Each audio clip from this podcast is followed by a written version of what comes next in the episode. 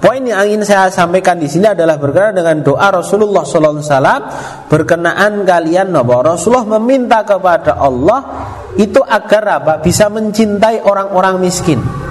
Ini harus kita doakan, Pak, karena secara fitrah nih, orang miskin itu ketika hadir dalam kehidupan kita, puniko yang terbayangkan adalah repot, Pak. Ini apa nggih? Ya, randu duit, randu barang, randu nopo kemauan, maka apa biasanya yang terbayang oleh orang ketika hadir orang miskin itu adalah kerepotan. Jika bukan karena keimanan pada Allah Subhanahu wa taala, jika bukan karena keimanan kepada Allah Subhanahu wa taala, ini Maka apa? Tidak akan mungkin kita bisa menghilangkan nopo pikiran kok.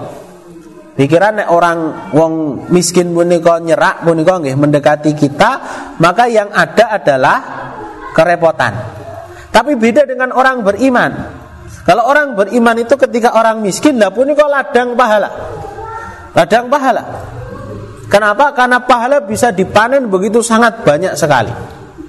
Makanya Rasulullah Shallallahu Alaihi Wasallam pun berdoa kepada Allah dalam bentuk itu, pak, agar ketika kita didatangi orang miskin yang hadir itu bukan nopo bukan suudon bukan perasaan ingin diropoti tetapi sebagai sarana untuk apa? Allah memberikan wasilah pahala kepada kita. Nih. jangan ketika kita melihat orang miskin pun kok bayangannya walah paling guru utang meneh. Paling guru ngerepoti meneh. Walaupun benar pak datang mau hutang. Tapi kalau kita melihatnya dengan pandangan keimanan gitu, maka yang akan lahir itu bukan celaan, bukan suudon, gitu. tetapi yang lahir pun itu adalah bantuan kepada mereka. Dan ini butuh ilmu, kak. Kalau bukan karena ilmu kita tidak akan bisa. Rasulullah menyampaikan man nafasa ala mu'sirin nafasallahu fid dunya wal akhirah. Barang siapa yang memberikan kemudahan jalan keluar kepada orang yang sedang kesusahan, orang miskin, orang lemah, itu kan susah hidup ini. Maka Allah akan memberikan kemudahan kepada dia, kelapangan pada dia di dunia dan di akhirat. Nah ini yang menjadi motivasi kita untuk bisa berbuat baik kepada orang-orang doif dan kepada orang-orang miskin. Amri wahlul 'uqdatam min lisani yafqahu qawli amma ba'd. Alhamdulillah, alhamdulillah uh, syukur pada Allah Subhanahu wa taala pada kesempatan malam hari ini Allah Subhanahu wa taala masih berikan kepada kita kenikmatan ingkang kathah sangat di kesehatan waktu luang maka tanuki keimanan. Jamaah rahimakumullah kita lajengaken kajian pembahasan kitab Riyadhus Shalihin nggih. Wonten kesempatan saat pun sampun dipun bahas nggih punika berkenaan kalian syafaat Pak. Syafaat pada hari kiamat.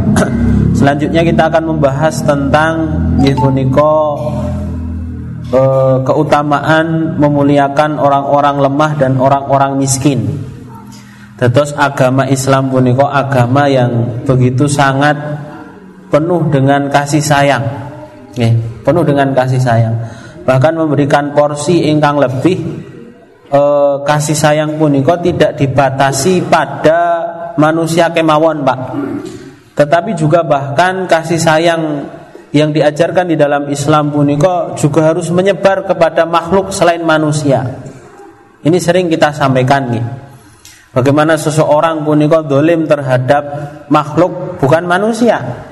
Akhirnya mendapatkan nopo laknat dari Allah Subhanahu Wa Taala Dakhalat imra'atun nar bihirrah tiang punika wanita tua yang masuk ke dalam neraka akibat kucing. Tidak kasih sayang terhadap kucing. Apalagi terhadap manusia. Nih, kedoliman terhadap manusia hayan au mayitan. Baik ketika mereka itu, mereka itu hidup bahkan ketika mereka sudah mati nih, kasih sayang itu juga tetap harus diberikan.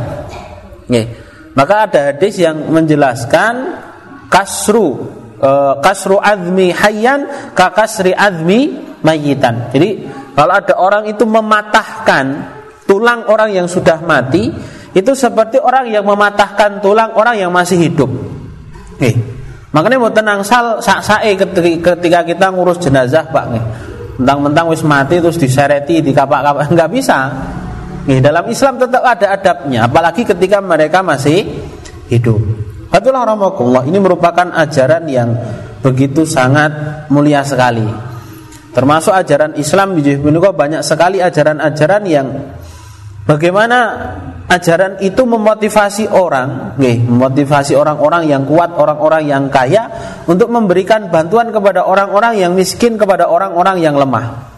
Bahkan dalam satu waktu Rasulullah punika menyampaikan nih, kadal fakru ayyakuna kufron. Kemiskinan punika bisa saja menjadikan orang itu menjadi kufur dan ini banyak, Pak. Dan tiang pindah agama amarga cuman apa? Sarimi, Pak nggih. Cuman minyak goreng atau beras beberapa kilo nggih. Ada orang miskin dan dengan kemiskinannya akhirnya dia terpaksa melakukan perkara-perkara engkang dipun nopo tidak diridhoi oleh Allah Subhanahu wa taala. Bagaimana orang ingin lepas dari kemiskinannya Pak nih? Karena tidak punya kemampuan finansial Akhirnya kerjone kepada orang kafir Pak. Nih. Sehingga apa? E, Nilai-nilai agamanya menjadikan tergade. Bagaimana kisah Saudara-saudara kita yang untuk mencari nafkah Pak nih harus ke luar negeri misalnya. Nah, terus oleh juragan orang kafir pak. Raiso jumatan tidak bisa mengerjakan sholat secara baik secara berjamaah. Ini perkara yang masalah? Bahkan kemarin ketika kita ketika saya ke mana? Ke Sulawesi itu pak ada cerita tentang bagaimana pekerja-pekerja di situ nih, itu tidak bisa melakukan sholat Jumat. Nih, kenapa? Karena tidak diberikan waktu untuk sholat Jumat. Nah ini kan bermasalah. Demi menghilangkan kemiskinan, demi golek duit pak nih. Akhirnya agamanya tergade. Walaupun di beberapa kesempatan bahwasanya syariat ini memuji tentang orang yang bersabar dengan kemiskinan. Tetapi kesabarannya yang melahirkan kebaikan. Masalah ketika miskin puniko tidak disertai dengan keimanan, jalurnya puniko jalur sing buruk pak, nyopet, nyolong, ngapusi, nggih mutil. Ngapusi regoten pasar itu kan alasannya duit. Malah mas iki badine kur semene. Ora badi nek tok tuku semene aku badine sepiro nggih hanya untuk beberapa rupiah kemauan. Kan urusan apa? Harta. Maka benar kada ayakuna kufron punika eh, kadal fakru ayakuna kufron bilih kemiskinan punika kalau dipelihara itu bisa jadi penyakit nggih walaupun orang dipelihara oke dewe Pak nih jenenge kemiskinan niku.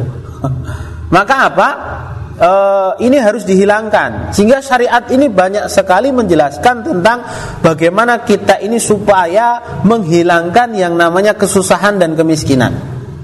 Nih, walaupun ini takdir Pak nih, tetapi takdir ini kan bisa diikhtiari.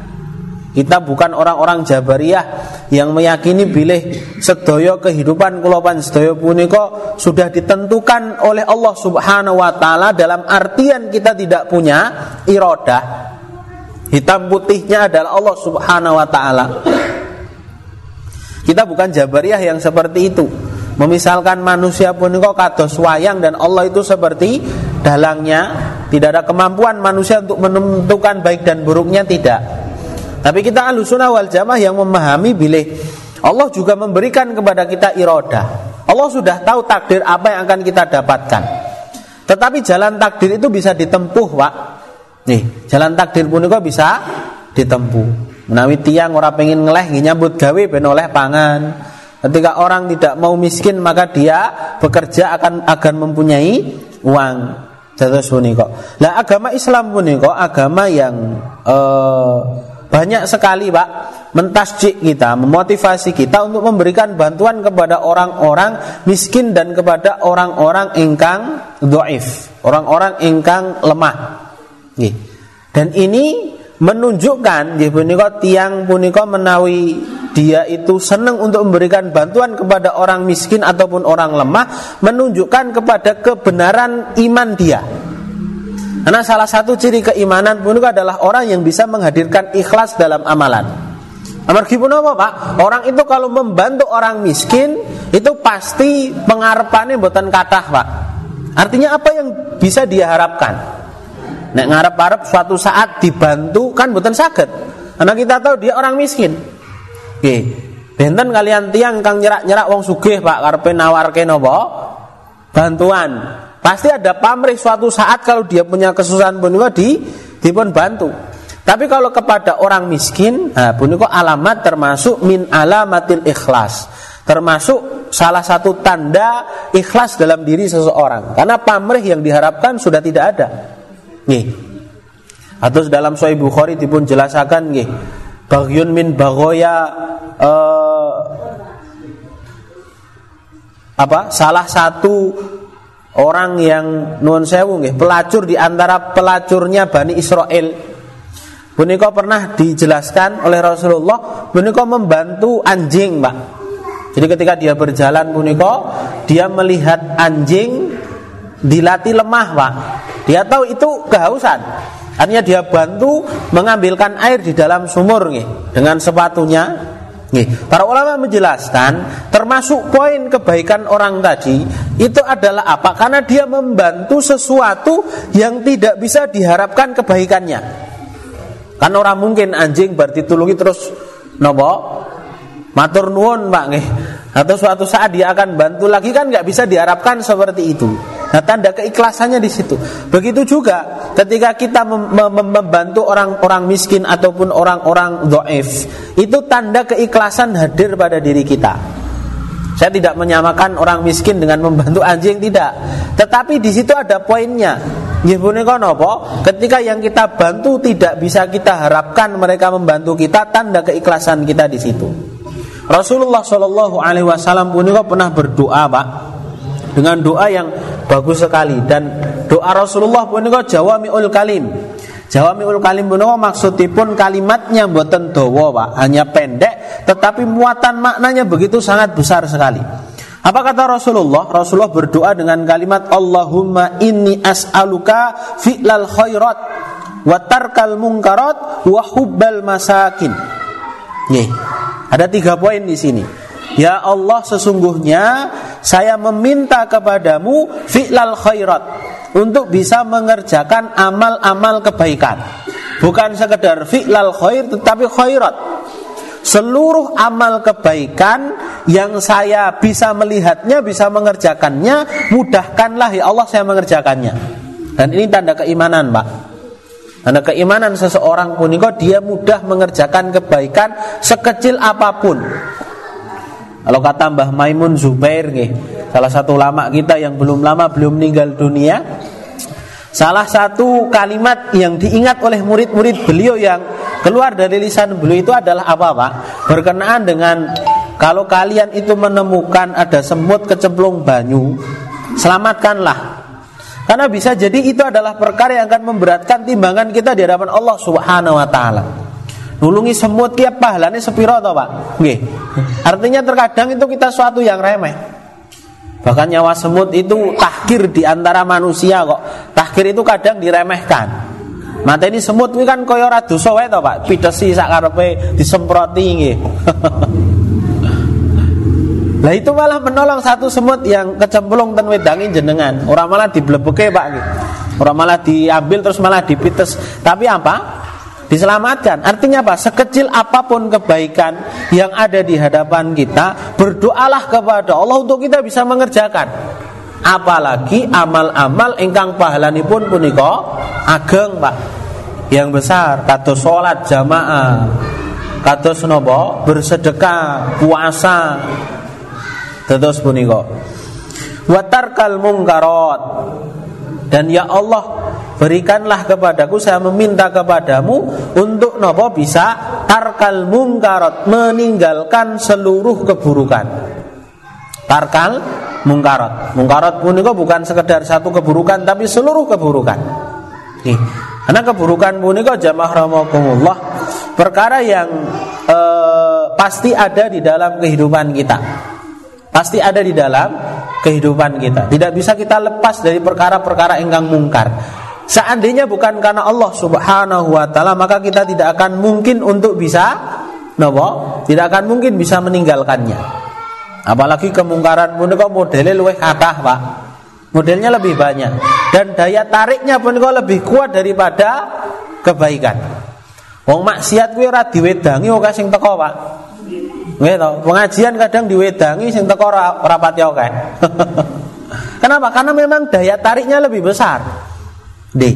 Ditazin oleh setan, dihiasi oleh setan, pilih perkara mungkarat menika perkara-perkara ingkang enak dikerjakan, nikmat dikerjakan. Maka Rasulullah berdoa kepada Allah Subhanahu wa taala agar mempunyai kemampuan untuk meninggalkan perkara-perkara ingkang mungkar. Wahubal masakin. Yang ketiga injih punika Rasulullah berdoa kepada Allah untuk bisa mencintai orang-orang yang miskin. Mencintai orang-orang yang miskin. Wa antaghfirli wa tarhamni wa idza aradta fitnah qaumin fatawaffani ghairu maftunin. Dan seandainya ya Allah Engkau itu takdirkan aku untuk bersama orang-orang yang fajir nih Maka uh, wafatkanlah aku kata Rasulullah dalam keadaan ghairu maftunin, tidak terkena fitnah. Fitnah keburukan maksudnya nih As'aluka hubbaka wa hubba ma yuhibbuka wa hubba amal yuqarrib ila hubbak. Dan ya Allah, saya meminta kepadamu kecintaan kepadamu. Kecintaan yang mana yuhibbuka. Kecintaan itu yang engkau cintai Yang ketika saya kerjakan itu Bisa menjadikan aku itu dekat kepadamu Terus meniko. Poin yang ingin saya sampaikan di sini adalah berkenaan dengan doa Rasulullah SAW berkenaan kalian nopo. Rasulullah meminta kepada Allah itu agar apa? Bisa mencintai orang-orang miskin. Ini harus kita doakan, Pak. Karena secara fitrah nih, orang miskin itu ketika hadir dalam kehidupan kita, puniko yang terbayangkan adalah repot, Pak. Ini apa? Ya, randu duit, randu barang, randu nopo kemauan, maka apa biasanya yang terbayang oleh orang ketika hadir orang miskin itu adalah kerepotan. Jika bukan karena keimanan pada Allah Subhanahu wa taala, jika bukan karena keimanan kepada Allah Subhanahu wa taala, maka apa? Tidak akan mungkin kita bisa menghilangkan nopo pikiran punika. Pikiran orang wong miskin punika nyerak punika nggih mendekati kita, maka yang ada adalah kerepotan. Tapi beda dengan orang beriman. Kalau orang beriman itu ketika orang miskin lah punika ladang pahala. Ladang pahala. Kenapa? Karena pahala bisa dipanen begitu sangat banyak sekali. Makanya Rasulullah Shallallahu Alaihi Wasallam pun berdoa kepada Allah dalam bentuk itu, pak, agar ketika kita didatangi orang miskin yang hadir itu bukan nopo, bukan suudon, bukan perasaan ingin diropoti, tetapi sebagai sarana untuk apa? Allah memberikan wasilah pahala kepada kita. Nih, jangan ketika kita melihat orang miskin pun kok bayangannya walah paling guru utang meneh, paling guru ngerepoti meneh. Walaupun benar pak datang mau hutang, tapi kalau kita melihatnya dengan pandangan keimanan gitu, maka yang akan lahir itu bukan celaan, bukan suudon gitu, tetapi yang lahir pun itu adalah bantuan kepada mereka. Dan ini butuh ilmu kak. Kalau bukan karena ilmu kita tidak akan bisa. Rasulullah menyampaikan man nafasa ala mu'sirin nafasallahu fid dunya wal akhirah. Barang siapa yang memberikan kemudahan jalan keluar kepada orang yang sedang kesusahan, Orang miskin, orang lemah itu kan susah hidup ini. Maka Allah akan memberikan kemudahan kepada dia, kelapangan pada dia di dunia dan di akhirat. Nah ini yang menjadi motivasi kita untuk bisa berbuat baik kepada orang-orang doif dan kepada orang-orang miskin. Maka ada sahabat radhiyallahu anhu punika Pak yang pekerjaannya punika setiap malam golek wong miskin Pak. Tapi ini nih Ali Zainal Abidin Ali Zainal Abidin menikah cucunya Ali bin Abi Thalib. Nggih. Cicitnya, cicitnya Ali bin Abi Thalib. Berarti buyute, Pak. Ali bin Abi Thalib punika mbah buyute Ali Zainal Abidin karena Zainal Abidin punika kan generasi setelah Hasan dan Husain. Nggih. Ali Zainal Abidin punika orang yang dikenal sebagai orang yang banyak sekali membantu orang-orang miskin. Sampai ada di nopo di belakang punggungnya puniko kapal, Pak. Ngapal ngertos nih. Kenapa? Karena, karena setiap malam dia membawa logistik, membawa bahan makanan untuk diberikan kepada orang-orang miskin tanpa sepengetahuan orang tersebut. Bahkan ini tidak ketahuan sampai belum meninggal dunia. Karena ketika disolatkan nggih, ketika dimandikan punika ternyata ada bekasnya. Dan setelah kematian beliau itu sudah tidak ada lagi orang-orang miskin punika setiap malam diteri beras, diteri makanan. Nggih. Punika secara teori enak didengar, Pak, tapi prakteknya jarang sing ngono ngeten. Nggih. Jarang sekali kita mendapatkan orang yang bisa seperti ini. Biasanya nek lomo punika nek ana karep nggih. Arep jago lurah, arep jago napa nggih, nyerak-nyerak masjid Pak nggih. Nek bantuan ini pun biasa. Tapi kalau yang seperti ini memang motivasinya memberikan kepada orang yang kesusahan. Jamaah rahimakumullah kang dipun rahmati Allah Subhanahu wa taala. Ada beberapa keutamaan ketika kita memberikan kepada orang miskin nih. Yang pertama, yang pertama yaitu apa? Mencintai dan memberikan kepada orang miskin itu termasuk kebaikan. Termasuk apa? Kebaikan. Ini yang tidak boleh kita sepelekan. Tidak boleh kita sepelekan. Nih. Orang yang kaya pun juga bukan orang yang banyak harta, Pak. Tapi orang yang kaya pun adalah orang yang kaya hatinya. Hatinya itu dia taruh di beberapa tempat atau bahkan di banyak tempat. Ketika ada orang datang kepada dia kesusahan, hatinya diberikan kepada orang tadi. Maksudnya apa? Hati kita itu adalah sesuatu yang kita sukai nih. Hati ini kan mencintai sesuatu apa yang kita inginkan. Senang duit, senang sugi, senang warna-warna. Nah, hati ini juga harus kita berikan kepada orang lain. Kalau orang lain itu suka duit, ya hati kita berikan kepada dia, kita berikan harta kita kepada mereka. Sebagaimana kita mencintai tadi. Rasulullah menyampaikan, uh, mangkana yu'minu billahi wal yaumil akhir uh, bukan dalam sebuah hadis Rasulullah menyampaikan la yu'minu ahadukum hatta yuhibba li akhihi kama yuhibba li nafsihi Kalian itu tidak dikatakan beriman sampai kalian itu mencintai saudaranya sebagaimana mencintai diri sendiri. Terus menika. Jamaah kang dipun rahmati Allah Subhanahu wa taala, jadi keutamaan pertama adalah itu. Bahkan banyak orang pun masuk ke dalam surga karena kebaikan dia kepada orang-orang miskin. Kepada orang-orang miskin kepada orang-orang engkang lemah nih. Orang beriman pun tidak akan nyenyak tidur, tidak ada, tidak akan kenyang makan ketika dia menyaksikan atau melihat atau sadar di sekitar dia ada orang yang tidurnya tidak nyaman, Pak. Nih, Maksudnya omai buatan layak misalnya atau makanannya tidak layak, maka orang beriman ini tidak akan tenang sampai dia memberikan kenyamanan, kekenyangan kepada orang yang ada di sekitar dia. Itulah orang beriman. Itulah orang yang beriman. Dan kebaikan ini akan dibalas oleh Allah, Pak. Gak perlu khawatir. Nah Allah menyampaikan irhamu mangfil ardi yarhamukum mangfis sama. Berkasih sayanglah kalian kepada penduduk bumi, maka penduduk langit itu akan memberikan kasih sayang kepada kalian. Akan memberikan kasih sayang kepada kalian. Kalau penduduk bumi, bumi pun kok kasih sayangnya terbatas, Pak. Artosipun pun apa? Seandainya kita berikan kebaikan kepada seseorang atau beberapa orang ya, itu belum tentu mereka membalas kebaikannya kepada kita. Karena orang pun kan macam-macam. Dan yang dibantu malah ngenyang, Pak Walah ngewangi kok rusak mono. Kita pernah dapat proyek nih, proyek nopo nih. Di toko besi itu proyek bantuan dari pemerintah buat rumah, Pak. Tapi enten mboten? Rumah sing nopo? E, kurang layak itu loh dibangun setengah jadi sekitar anggaran tujuh setengah sampai 15 juta tergantung rumahnya nih itu banyak sekali nggih, beberapa yang tidak banyak, beberapa yang ketika kita berikan logistik nganyang, Pak. Jadi sing ngeneki kan rasane piye udah diberikan dengan nominal segitu kok malah nyacat kok koordinasi sak mono sisan sak mene nek. Ini kalau kita tidak bingkai dengan keikhlasan ya adanya cuma dongkol, adanya cuman tidak tidak lahir kebaikan. Terus punika.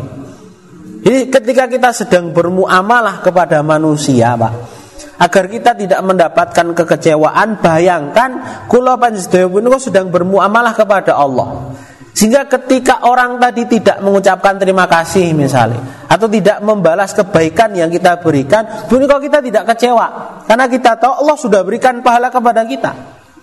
Toh kita juga tidak ada urusan dengan mereka. Urusan kita hanya apa? Mereka itu wasilah untuk kita bisa me me melakukan kebaikan. Perantara kita bisa melakukan kebaikan. Terus punika Menawi enten tiang bantu Pak nih Orang di nuwuni tidak diucapkan terima kasih keloro-loro ini bermasalah. Kapok biasanya bantu yang seperti ini karena memang niatnya bukan untuk Allah, niatnya untuk manusia. Dan ketika kita niatnya untuk manusia, maka yang e, kita dapatkan pasti keburukan, kekecewaan. Nih. Yang kedua, yang kedua, mencintai orang miskin puniko akan memudahkan hisap kita di hari kiamat di hari kiamat. Hisab kok berat pak, jangan dianggap remeh. Bahkan ada ulama yang mengatakan kalau orang itu dihisap maka dia diazab, maka dia diazab. Dan hisap ini perkara yang bukan main-main. Rasulullah menyampaikan nih, kenapa orang-orang membantu orang miskin ini bisa me meringankan hisap? Karena Rasulullah bersabda, "Man nafasa an mu'minin kurbatan min kurabid dunya." Nafasallahu anhu kurbatan min kurabi yaumal qiyamah wa man yassara ala mu'sirin yassarallahu alaihi fid dunya wal akhirah Barang siapa yang memberikan bantuan kemudahan kepada orang mukmin, satu kemudahan, satu saja kemudahan, Allah akan berikan kepada dia kemudahan di dunia dan di akhirat. Dan barang siapa yang memberikan bantuan kepada orang mukmin yang kesusahan, maka Allah akan mudahkan urusan dia di dunia dan di akhirat. Disarah oleh para ulama, salah satunya adalah ketika besok kita di Yaumul Mahsyar. Ketika kita dihisap oleh Allah Subhanahu wa taala. Dan hisap ini membuat main-main, Pak. Yang ditanyakan pun kok detail. Wa may ya'mal mithqala dzarratin khairan yarah wa may ya'mal mithqala dzarratin syarran yarah. Nggih. Punika darah di hadapan Allah yang akan dilihat. Kalau kebaikan yuk sekecil apa pun Allah akan menghitungnya. Begitu juga keburukan. Allah akan menghitungnya walaupun perkara perkara punika perkara engkang begitu sangat kecil. Jadi mizan yang merupakan makhluknya Allah. Mizan punika timbangan. Dia punya dua dua anak timbangan, kifah, dua kifah nih. Kifah pun itu anak timbangan yang akan menimbang amal kita. Ada yang mengatakan yang ditimbang pun itu amal kelopan sedoyo. Ada yang menyebutkan ingkang dipun timbang puniko jasad kita. Kalau jasadnya orang beriman, dia akan memenuhi kebaikan timbangan yang kebaikan. Tapi kalau penuh dengan keburukan, maka jasadnya itu akan apa ringan kebaikannya. Yang berat itu apa? Keburukannya.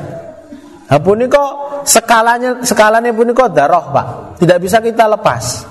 Dengan puniko nek ditanyakan dengan detail kok kan mangkel nggih. Kecekel polisi, Pak nggih, misalnya. Jane kur nglanggar bangju. Tapi buntute dawa, Pak. Wah, iki kok sepione cilik iki. Tak kena nggo ndelok wong iki ndelok semut misalnya. Iki lampune ora murup misalnya. Pajeke piye urip ora misalnya. Ini joke kok diganti misalnya Pak nih. Itu kan tambah mangkel Pak nih. Padahal kesalahannya satu tapi meremehnya banyak sekali. Lah urusan di akhirat pun kok lebih detail. Lebih detail hisab dari Allah Subhanahu wa taala. Lah kalau kita di dunia punya modal, punya tabungan, memudahkan orang-orang engkang beriman, maka Allah Subhanahu wa taala akan memudahkan urusan kita besok di akhirat. Terus punika Pak Wasilai jadi setelah kita tahu ilmu yang seperti ini Jangan memandang ketika ada orang miskin, ada orang fakir Itu sebagai problem pak. Walah moro meneh, harap utang meneh gitu.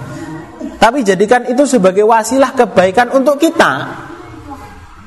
Ya punya kok perantara kita mendapatkan kebaikan. Alhamdulillah Allah pertemukan saya dengan dia bukan orang lain. Sehingga yang punya kesempatan untuk berbuat baik itu saya duluan Bukan orang lain duluan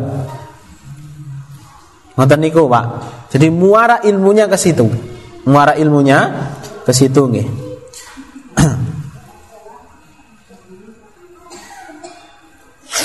Terus punika yang kedua, Yang pertama tadi kebaikan kita kepada orang-orang lemah dan orang-orang miskin, bahwasanya itu termasuk amal kebaikan. Yang kedua akan memudahkan urusan kita di akhirat dan yang ketiga nggih punika? Dekat dengan orang miskin berarti semakin mendekatkan kita dengan Allah Subhanahu wa taala. Nggih, dengan Allah Subhanahu wa taala. Karena Rasulullah pernah berdoa dengan doa Allahumma ahyini miskinan wa amitni miskinan wa syurni fi zumratil masakin yaumal qiyamah Nah menika pun Rasulullah, Pak. Tapi sing donga Rasulullah. Menawi jenengan keimanannya belum sampai Rasulullah dan tidak akan mungkin sampai kepada Rasulullah, nggih jangan coba-coba nek dereng wani, Pak. Apa doa Rasulullah? Allahumma ya Allah, ahyini miskinan. Hidupkanlah aku dalam kondisi miskin. Biasanya nek donga kan pengen sugih, Pak. Gitu. Ini berdoa Rasulullah minta miskin. Karena belum melihat dunia itu sebagai sesuatu yang nih, begitu sangat remeh dibandingkan dengan akhirat. Yang sedono kan isi berubah meripatin yang delok sing abang-abang duit nih. Masih berubah lah kita. Artinya doa ini tidak harus diamalkan, tapi kita bisa mengambil hikmahnya. Wa amitni miskinan dan matikanlah aku dalam kondisi miskin wahsurni fi zumratil masakin yaumal qiyamah. Dan ya Allah kumpul, kumpulkanlah aku bersama dengan orang-orang miskin pada hari kiamat. Kenapa? Karena ternyata kebanyakan penduduk surga pun itu adalah orang-orang miskin. Karena ringan hisapnya. Tapi orang miskin yang bersyarat Oke, bersyarat ya dia punya keimanan dan bersabar dengan kemiskinannya dan dengan kemiskinannya itu dia tetap menjaga ifah. Ifah pun itu harga diri, Pak. Makanya orang miskin itu kan ada dua. Ada dua nih. Asail wal marhum kata Allah. Orang miskin yang menampakkan kemiskinannya gampang jaluan. Nih. Yang kedua adalah marhum, yaitu orang miskin yang dia itu apa? Mahrum nih. Orang miskin yang dia mengharamkan dirinya untuk meminta kepada orang lain. Dia itu miskin sebenarnya. Dia tidak punya, tetapi dia mampu untuk ngampet tidak mengharapkan kepada orang lain. Nah ini derajatnya otomatis lebih mulia yang mahrum. Lebih mulia yang mahrum daripada yang sa'il. Tapi tetap kalau sedaya tidak boleh Pak ketika menemukan yang sa'il, sa'il pun kok yang menampakkan kemiskinannya gitu.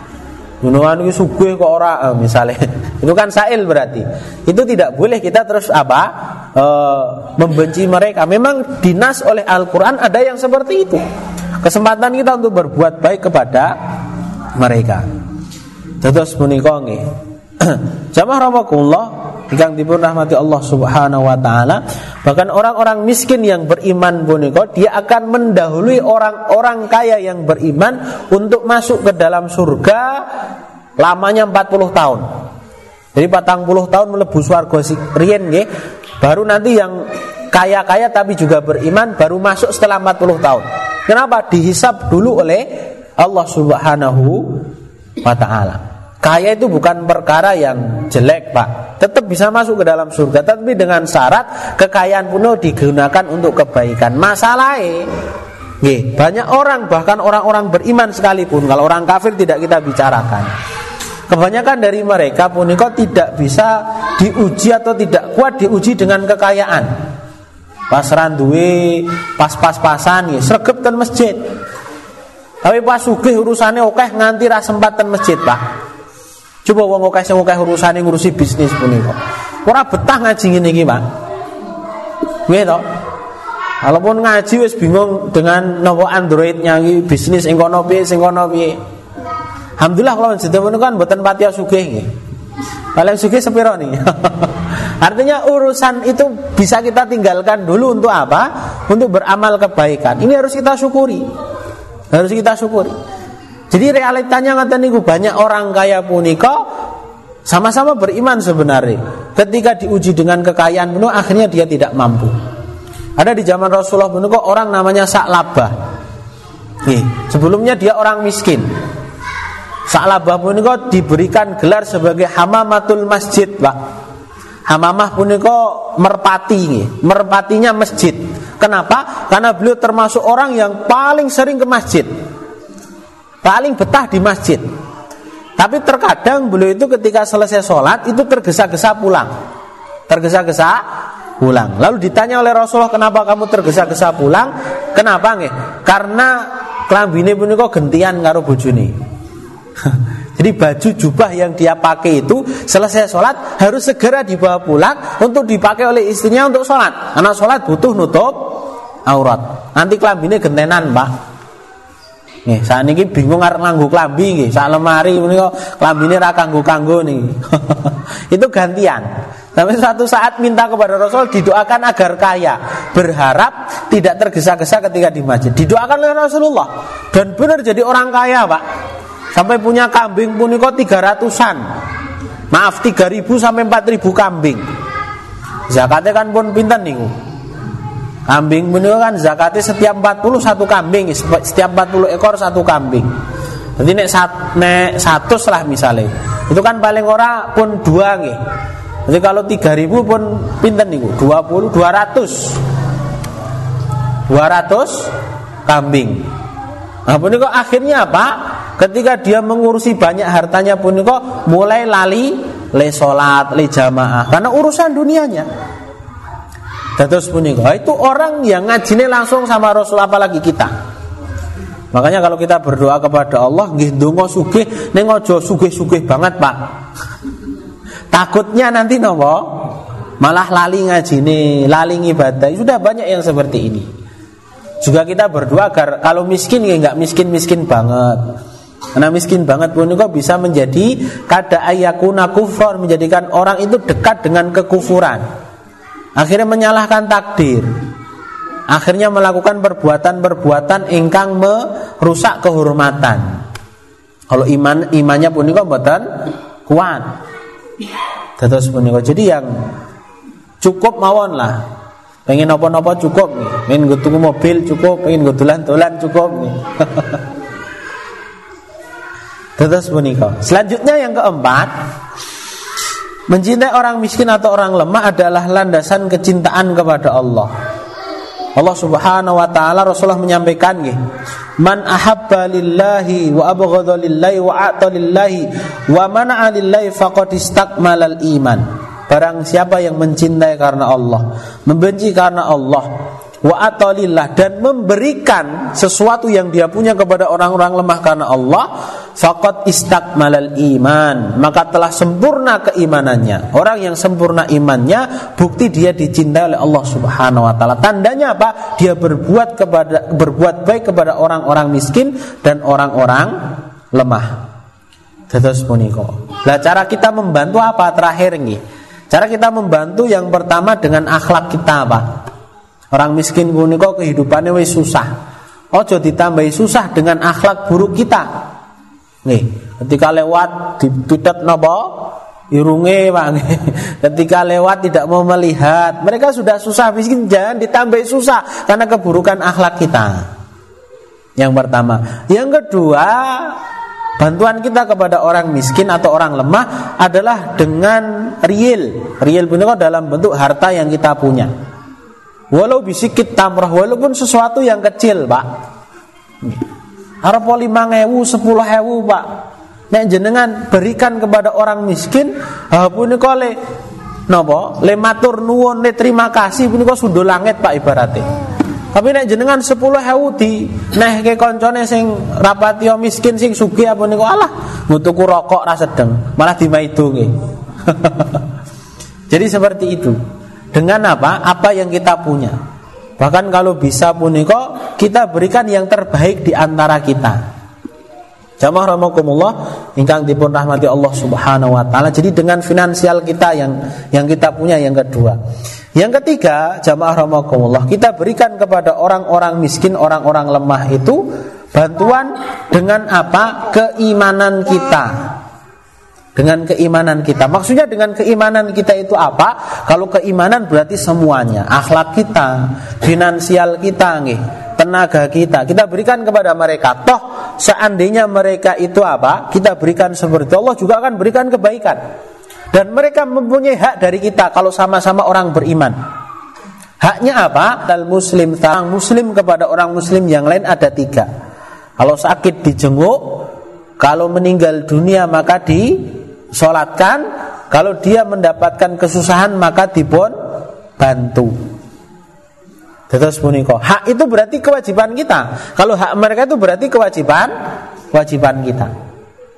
Terus punika. Mata niku jamaah rawakullah ingkang dipun rahmati Allah Subhanahu wa taala.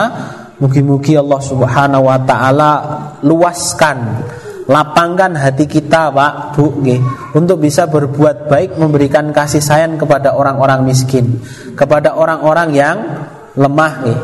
Bercita-cita puniko jangan bercita-cita ben sugih duit pak. Tapi bercita-citalah agar bisa memberikan kebaikan kepada orang lain. Itu namanya alias kebaikan sebenarnya. Wong iso ngenai karo wong sugih puniko ora beda pak. Tapi bahasanya lebih sopan itu. Nggih Terus mana jenengan berdoa kepada Allah, ya Allah nyuwun sugih misalnya. Itu tidak lebih sopan daripada jenengan ketika berdoa kepada Allah, ya Allah berikan kemampuan kepada saya untuk bisa memberikan bantuan kepada banyak orang. Wong iso bantu kan wong sugih ya. Tapi itu lebih sopan. Itu lebih sopan. Dan di dalam syariat kesopanan itu dijaga. Makanya ketika kita mau berdoa kan adabnya tidak langsung to the point beristighfar dulu, solawat dulu, memuji Allah dulu, baru apa? Nah, itu namanya adab kesopanan. Terus punika nyuwun ngapunten mugi-mugi manfaat. Ngapunten menawi enten pun. Ada pertanyaan monggo? Masih dua menit. Oke. Okay. Kemudian harta menjelat yang punya harta kemudian harta kita yang menjelat di Oh di akhirat Menjerat itu dalam artian Dia akan menunda kita Untuk langsung masuk ke dalam surga. Bukan masuk ke dalam neraka Pak. Tapi dihisap dulu. Punya harta itu bukan perkara yang buruk Bagi orang beriman. Selama kita bisa meyakinkan Harta itu dicari dari yang halal Dan digunakan untuk yang halal nih, Maka kita yakin Allah akan masukkan kita ke dalam surga. Cuman urusannya harus dihisap dulu nih, Harus ditanya.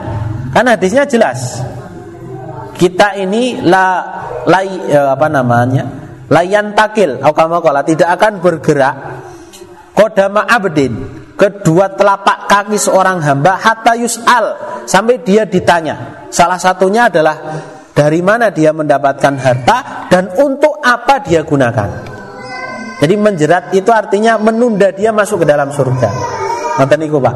Bukan menjerat masuk ke dalam neraka. Itu hartanya kalau digunakan untuk keburukan,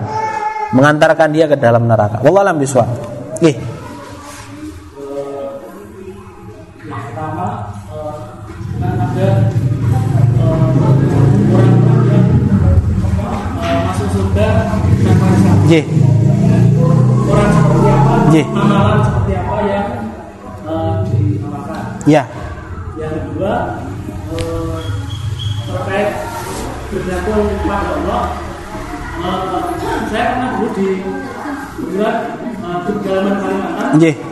waktu tugas nah ketika suatu waktu mau ke suatu daerah dan diperingatkan sama orang uh, dari yang lemari lah ketika itu bilang seperti ini uh, mas nanti kalau makan kalau saya tidak makan mas jangan makan oh. kenapa uh, biasanya ada racunnya. Oh, gitu. Nah, tapi istilahnya dalam tanda petik racun sih bukan ketok jadi ini. Oh. nah, itu terus secara Islam pripun? Iya, iya, iya. Nek disuguhi ngono napa manut-manut sing ngandani mau napa ah dengan kali oh tak ano. Iya. Iya. Yang pertama berkenaan dengan uh, amalan yang menjadikan kita ini akan masuk surga tanpa hisap yaitu mati syahid mas. Itu memang ada.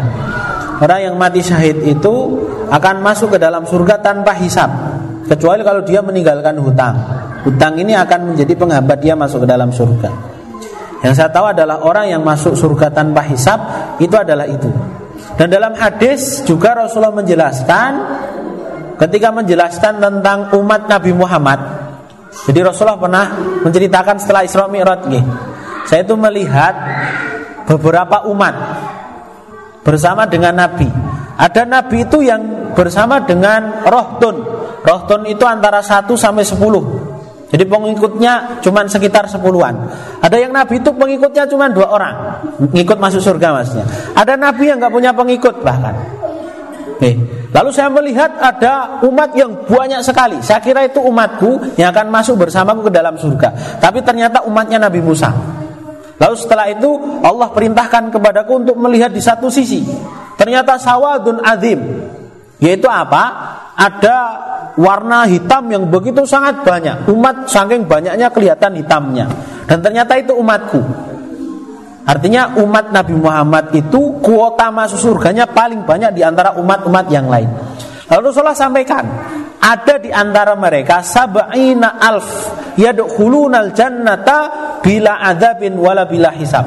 Ada 70 ribu manusia di antara umatku itu yang akan masuk ke dalam surga tanpa azab dan tanpa hisab.